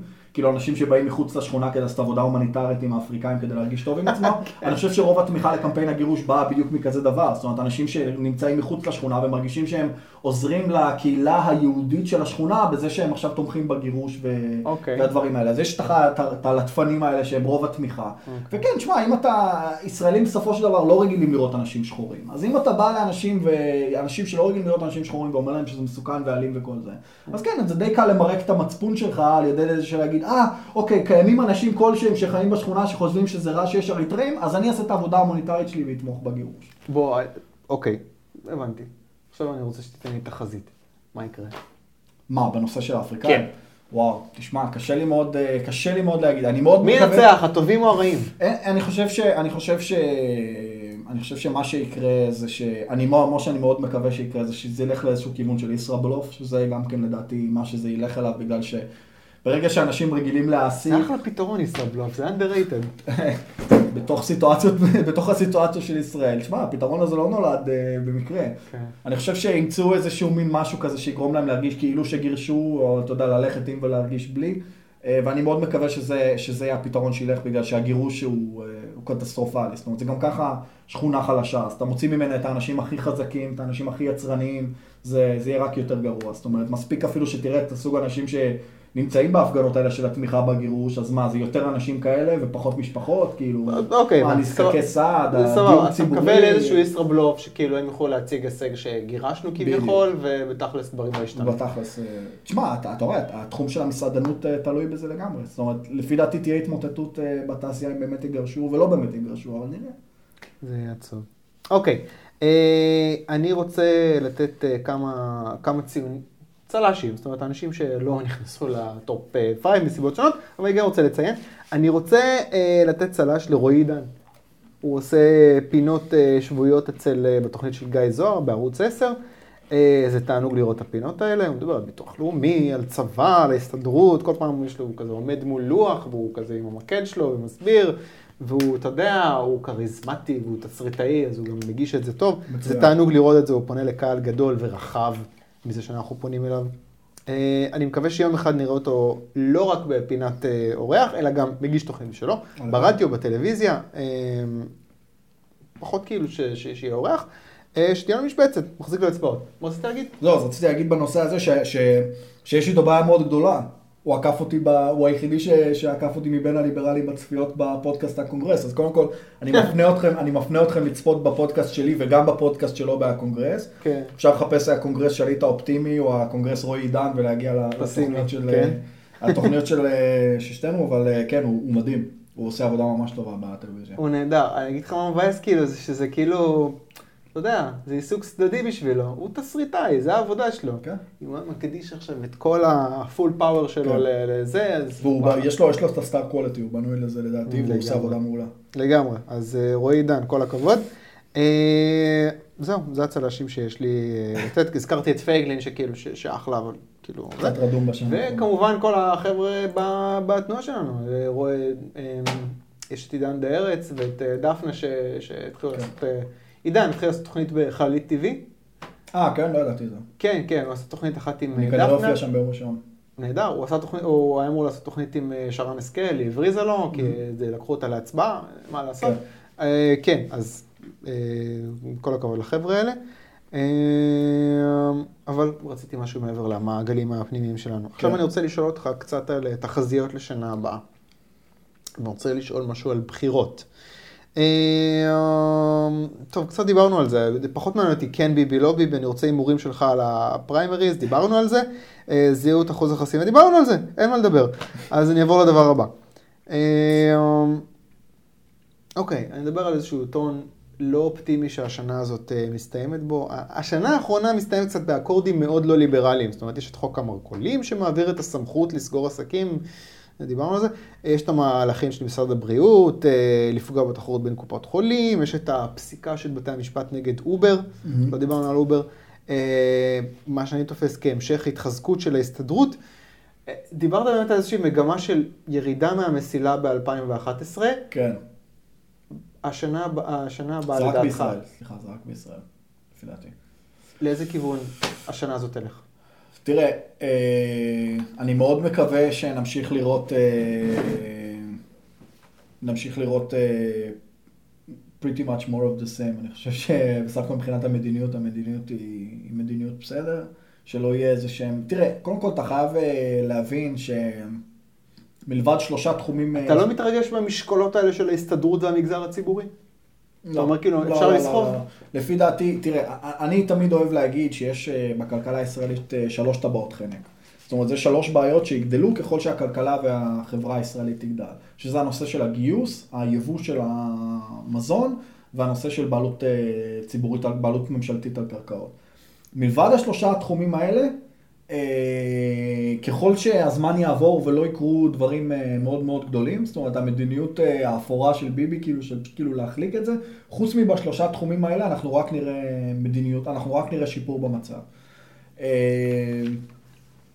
אה, תשמע, מה, אתה יודע, זה, זה מה שבאסה בדמוקרטיה עכשיו, כאילו, יש הרבה דברים שבאסה בדמוקרטיה, אבל עכשיו אה, אנחנו לא יודעים מי הולך להיות השוכר דירה החדש של אה, ממשלת ישראל, מי יהיה הדייר החדש אה, שיקבע את המדיניות. אני לא אוהב ו- לחשוב, אני- חוסר ודאות זה, זה לא טוב. אני אוהב להתעלם מזה. כן. אמ, אוקיי, אני רוצה לדבר דווקא קצת אופטימיות. מה לדעתך תהיה ההבקעה הליברלית הבאה?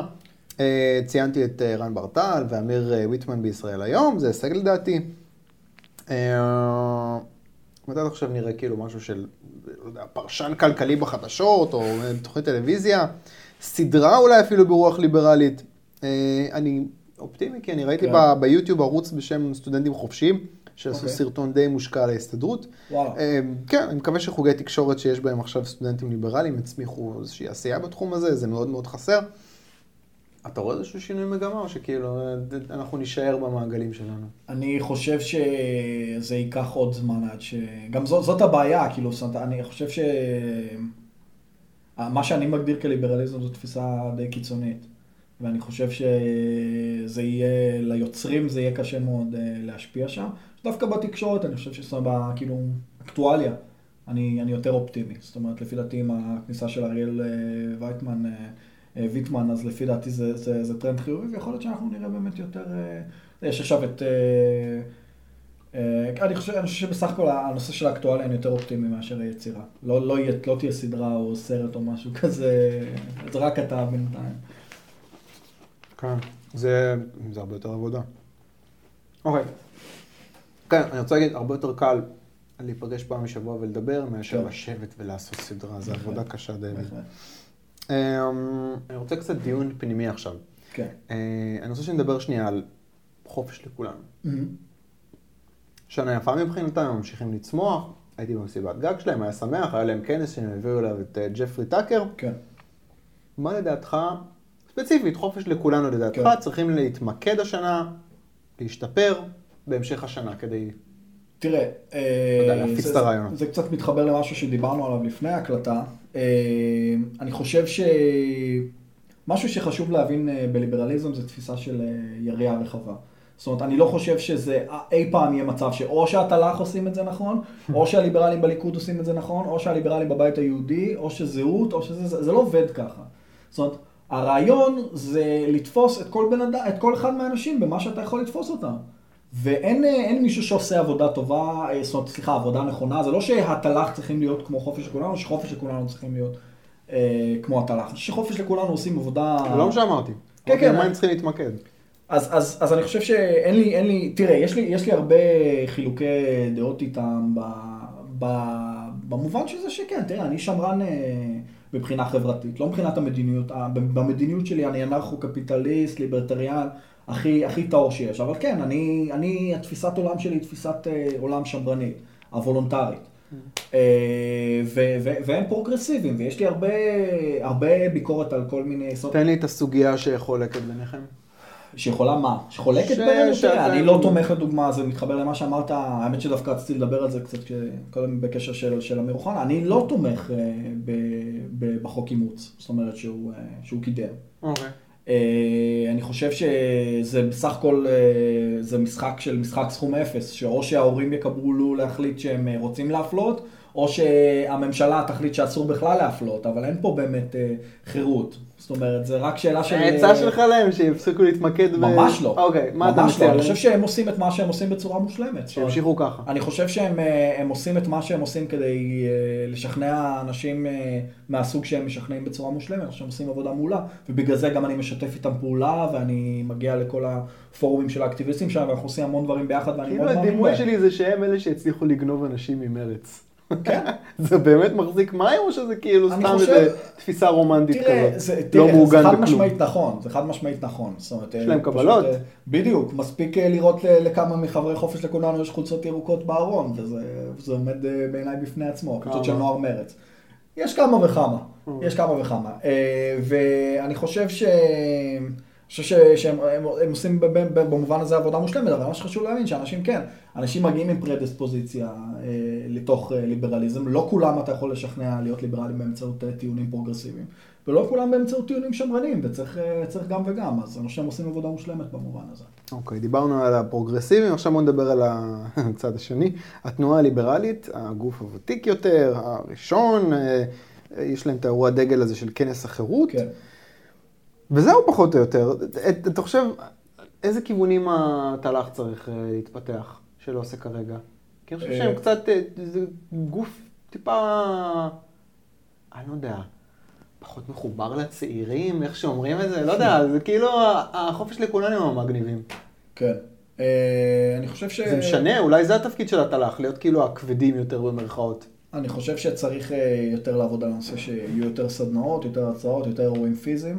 לפי דעתי זה, זה מה שכרגע צריך לעשות. אבל גם אני עובד בתוך התל"ח ואת הביקורת, ש... סליחה, את הביקורת שלי אני נותן אה, ישירות מול בועז ואני חושב שבועז עושה עבודה מדהימה.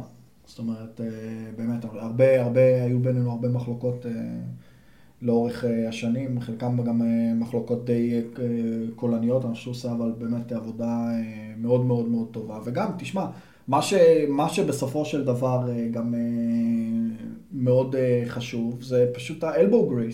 אתה יודע, פשוט הבן אדם שפשוט נמצא שם כל הזמן, כל הזמן, וכל הזמן עובד. ואתה יודע, כאילו, זה הכי קל להיות הזה ש... הראשון שמגיב כששואלים מי רוצה להתראיין בטלוויזיה, ולהיות הראשון שמגיב כש... כששואלים אה, מי... אה, טוב, בעיקר, בעיקר להתראיין בטלוויזיה, Mm. אבל מי שנמצא שם ופשוט עושה את העבודה, גם כשזאת עבודה מאפנה ו- ו- ומבאסת וגם עבודה, אה, זה, זה, זה בועז, שמרגיע לו פרגון מאוד גדול. אה, הרבה שנים אה, הייתה לי הרבה ביקורת עליו, אבל אני יכול להגיד לך שבשנים האחרונות אני בעיקר מפרגן על זה, ואני חושב שיכול- ש- שאולי הבן אדם היחידי, יש הרבה אנשים שעושים עבודה יותר אפקטיבית ממני בקידום ליברליזם, אבל מבחינת עבודה יותר קשה, זה, זה, זה היחידי ש, שעולה לי לראש, כי הוא באמת פשוט עובד אה, מאוד מאוד קשה, ולפי דעתי זה המפתח. זאת אומרת, הכי קל זה, אתה יודע, נגיד, לקחת כמה חודשים מהחיים שלך, להגיד עכשיו, זו התקופה, ש... וזה, וזה בסדר גם לעשות את זה. כאילו, אם זה על פני לא לעשות כלום, אז זה גם בסדר. אבל מי שפשוט נמצא שם תמיד, כל יום, כל הזמן, כל הזמן, כל הזמן, כל הזמן, כל הזמן אה, עושה את זה, בלי תקופות שעכשיו אני בבאסה אז לא בא לי, או עכשיו אני בפה, עכשיו אני בשם. זה, זהו, ואני חושב שזה המפתח של הכוח של התל"ח, אז כאילו... אה, אני לוקח את זה, כן, לגמרי. אה, נצטרף להצלה של זה לבועז. אה, אגב, הוא יוזמן לתוכנית בוודאי. אני פשוט רציתי לחכות, כאילו, חשבתי, אוקיי, בסדר, בוא נחכה קצת, כי... אני לא יודע אם נדבר על זה או לא, אבל כאילו, הייתה, התבשלה איזושהי יוזמה להכין, להריץ ערוץ של סרטונים של התל"ח. זה, זה כאילו, זה פומבי, זה לא פומבי, המחצבה זה כאילו, זה, זה it's out there. זה עוד אה, בשלבים של אה, הכנה. אוקיי, עוד אז לא אמרתי לעצמי, זה בשלבים של הכנה, זה אפילו לא כן. בהרצה. אה, לעשות סרטונים... לא, הייתה. הרצה. הייתה הרצה. היו, מה שעשינו זה, כאילו התחלנו, התחלנו בעצם אה, לעשות את התשתית שלה רק לצלם אה, כן. כדי זה, ופשוט בגלל שחלק מה- חלק מהצילומים שהיו מספיק טובים נמצאים בערוץ של המחצבה. Mm. וחלק אני לקחתי לדוגמה, זאת אומרת, אה, אני פשוט באתי לשם והצטלמתי. כן. אמרתי להם, תשמעו, אני מבחינתי, אם אני עומד שתי דקות מול המצלמה ומדבר, מבחינתי זה מספיק טוב. אם זה לא מספיק טוב בשבילכם, זה מספיק טוב בשבילי, ופרסמתי את זה לבד. אוקיי. אה, בהסכמתם כמובן. אז... זהו, אז רציתי לחכות כאילו שהדבר הזה יצא, ואז אני אזמין אותו ותהיה הזדמנות, אבל נראה לי שאני אזמין אותו בלי קשר, ומקסימום כשזה יצא עוד פעם, אז אני אזמין אותו עוד פעם. אה, זהו, דיוויד, זה הכל. זה, סיכום אה, שנת אה, 2017. כן. אתה אופטימי, אני קצת פסימי, אבל סבבה. אז אה, אתה לא תמצא מישהו יותר אופטימי ממני, אני תמיד- אהיה בצד האופטימי. זהו, כי כן, אתה יודע, אתה- כשאתה אתה- מכוון ממש נמוך, אז אה, קשה להיות, אה, להתבאס. אוקיי, דיוויד, תודה רבה. תודה לך. אני לוחץ לך את היד. יאללה, שנה טובה. אני גם לחצתי לו את היד בחזרה. כן, אה, ושנה טובה לכם. הקונגרס, פודקאסט ליברלי. אה, שנה שת- אזרחית טובה. שנה אזרחית טובה ומלאת חופש. ביי.